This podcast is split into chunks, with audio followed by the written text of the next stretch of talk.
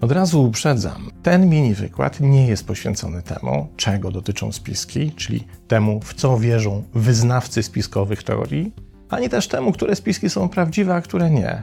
Nie mam też najmniejszego zamiaru kwestionować bezspornego faktu, że konkretne spiski, nawet kiedy wydawały się w latach ich świetności komiczne i absurdalne, później okazywały się prawdziwe.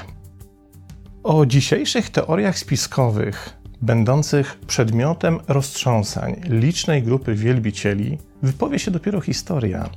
I to jej zostawmy ocenę tego, co jest prawdą, a co nie. A zatem nie chodzi o spiski, ale o to, dlaczego podzielanie wiary w spisek nie jest aż tak irracjonalne, jak nam się wydaje. Często czytamy czy słyszymy czyjąś opinię, osąd zamieszczony w komentarzu i nie możemy się nadziwić, nagromadzeniu wielu, często wzajemnie wykluczających się teorii. Przyjmujemy w takich wypadkach, że mamy do czynienia raczej z szaleńcem, a w najdelikatniejszym wydaniu osobą mało stabilną emocjonalnie oraz poznawczo i albo się wdajemy w polemikę, w której zazwyczaj przegrywamy, bo zostajemy pokonani przez doświadczenie w takich bojach drugiej strony, wspierane totalną odpornością na jakiekolwiek argumenty, albo też od razu próbujemy się separować od teoretyka spisku, przyklejając mu łatkę kogoś, kto jest w stanie zagadać nas na śmierć. I to w taki sposób, że tracimy zdolność śledzenia sensu i logiki jego wypowiedzi już po trzecim zdaniu. Tymczasem podzielanie wiary w spiski może być wyjątkowo precyzyjnym, psychologicznym drogowskazem, mówiącym nam o wyznawcy spisków dużo więcej, niż by sobie tego życzył. I warto się temu przyjrzeć nieco z boku, zamiast ruszać na wojenkę o prawdę, którą, jak już wiemy, rozstrzygnie dopiero historia.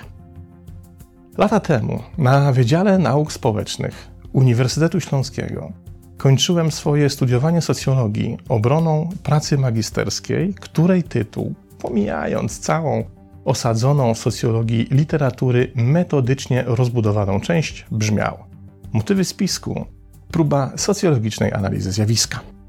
W tej pracy postanowiłem się zmierzyć z socjologiczną perspektywą funkcjonowania w przestrzeni społecznej spiskowej teorii dziejów oraz temu, dlaczego tak wielu ludzi poddaje się wierze w spiski, jakie są ich motywacje, co nimi kieruje i co otrzymują w zamian kiedy nawiązują relacje w małych grupach społecznych z tymi, którzy również są skorzy do podzielania spiskowych poglądów.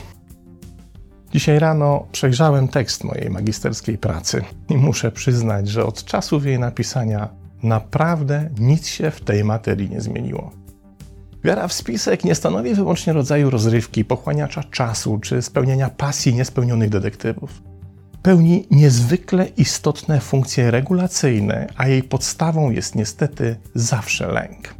Zanim jednak przejdziemy do psychologicznych i emocjonalnych efektów związanych z podzielaniem wiary w spiski, musimy się przez chwilę przyjrzeć samej spiskowej teorii dziejów, bo w jej konstrukcji i mechanice znajdziemy wiele istotnych wskazówek, pozwalających nam zrozumieć jej niegasnącą przez stulecia popularność.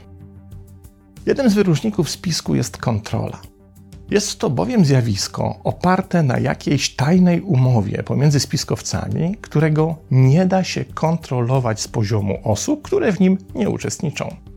To ważna cecha, bo zauważmy, że jednocześnie zwalnia ona podzielającego wiarę w spiski z odpowiedzialności za ewentualne powstrzymanie niecnego procederu. Bo przecież, zgodnie z tą pierwszą wytyczną, nie może mieć wpływu na to, w co wierzy. Sprytne, prawda?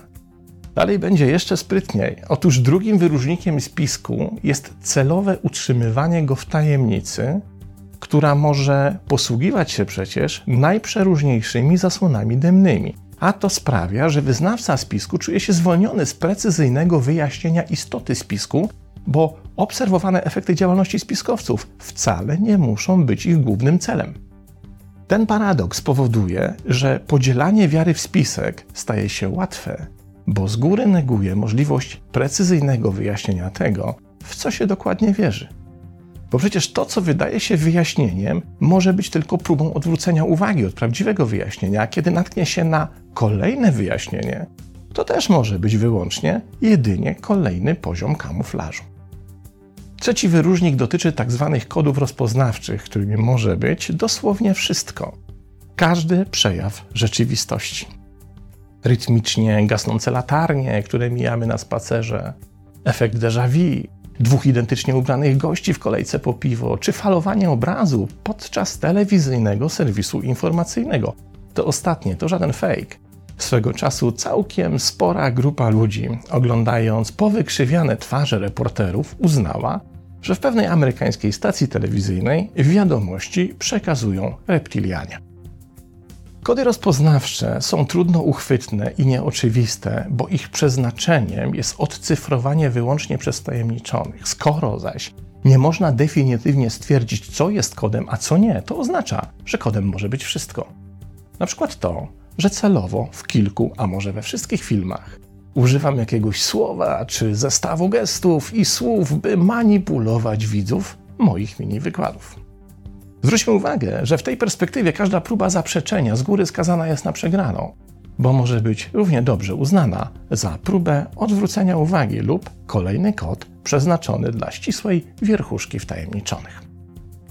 Czwarty wyróżnik znajdziemy w książce Daniela Pipesa Potęga spisku, gdzie pisze on co następuje. Spiskowe teorie wykazują tendencję do owładnięcia osobnikiem, aż staną się sposobem postrzegania całego życia. W ten sposób rodzi się konspiracjonizm, styl paranoidalny czy mentalność niewidzialnej ręki. Zaczyna się od wiary w jeden mały spisek, a kończy na przekonaniu, że wszystko jest spiskiem dążącym do zdobycia władzy, przejęcia kontroli nad ludźmi i w efekcie zniszczenia całego rodzaju ludzkiego. Mamy więc sytuację, w której wyznawca spiskowej teorii dziejów wierzy, że jacyś spiskowcy dążą do przejęcia nad nim kontroli i jednocześnie nie dostrzega, że rzeczywiście coś przejmuje kontrolę nad całym jego życiem. Aktywnością, tym co czyta, a czego nie, z kim się spotyka, z kim nie, na co zwraca uwagę, patrząc dookoła siebie, na co uważa i czego się boi. Ale to coś to nie spiskowcy, ale sama wiara w spiskową teorię dziejów. Piątym wyróżnikiem jest interdyscyplinarność polegająca na tym, by używając prostego języka, można było domniemane zjawiska podejrzewane o spisek wrzucać do jednego wora, bez martwienia się o to, czy się w tym worze pogryzą, wzajemnie wykluczą, czy też nie.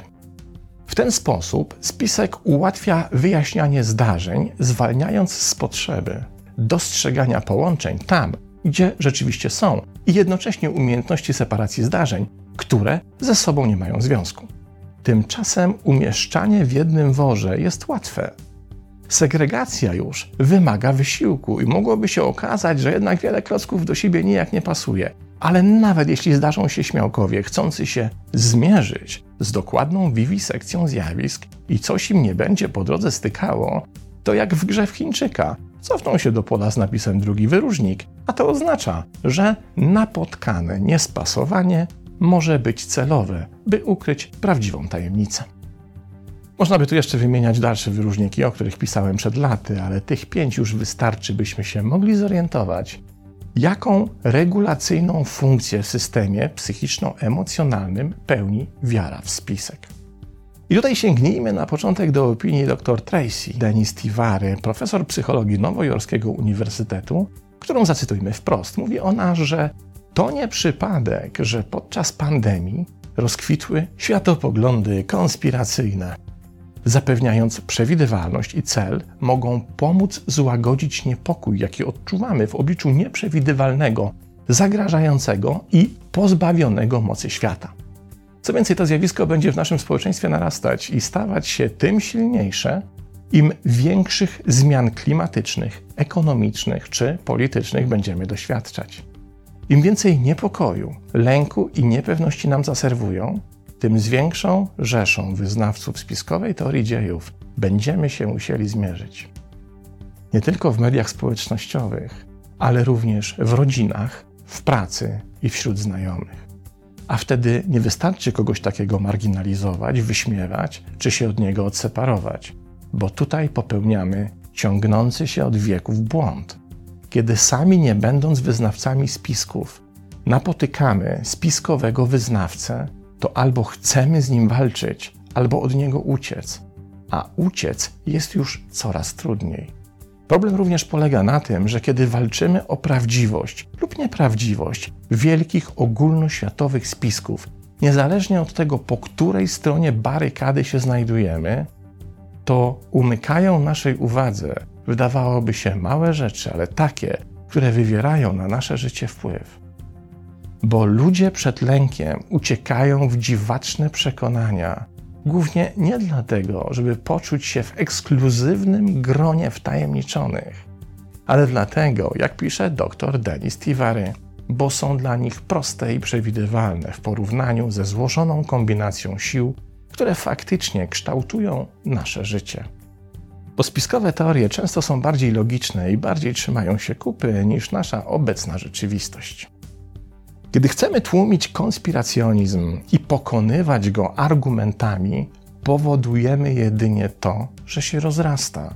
Bo dla wyznawcy spiskowej teorii dziejów nasza negacja wyłącznie dowodzi tego, że to on ma rację. A to niestety droga donikąd. Kluczem jest dostrzeżenie tego, jaki rodzaj pustki został wypełniony wiarą spiski, jaki rodzaj lęku został w ten sposób uregulowany, jaki rodzaj ulgi w czyimś życiu przynosi wiara w dowolny spisek. Kiedy jedynie chcemy kogoś pozbawić tej wiary, to tak jakbyśmy mu z garnka usunęli zupę, która stanowi jego jedyne, podstawowe, dostarczające mu sił i umożliwiające przetrwanie pożywienie. Kiedy zaś opróżniasz czyjś garnek, najpierw sprawdź, czy masz co mu w zamian do tego garnka włożyć. Łatwo jest uznać kogoś za wariata, ale dostrzec, jaką pustkę swoimi przekonaniami wypełnia, jest już dużo trudniej. A najtrudniej jest skutecznie mu tę pustkę zagospodarować w taki sposób, by nie musiał szukać ulgi od lęku i niepokoju w tłumaczeniu sobie świata spiskiem. Świata, którego nie akceptuje i w którym jego własne życie go uwiera. Nie spisujcie wierzących w spiski na straty, bo to jedynie spowoduje, że będzie ich przybywać, a skala ich wiary wyłącznie się zwielokrotni. Zamiast tego pomyślcie, jak i czym swoim bliskim, tym na którym Wam zależy, wypełnić tę pustkę i pomóc oswoić lęk. Pozdrawiam.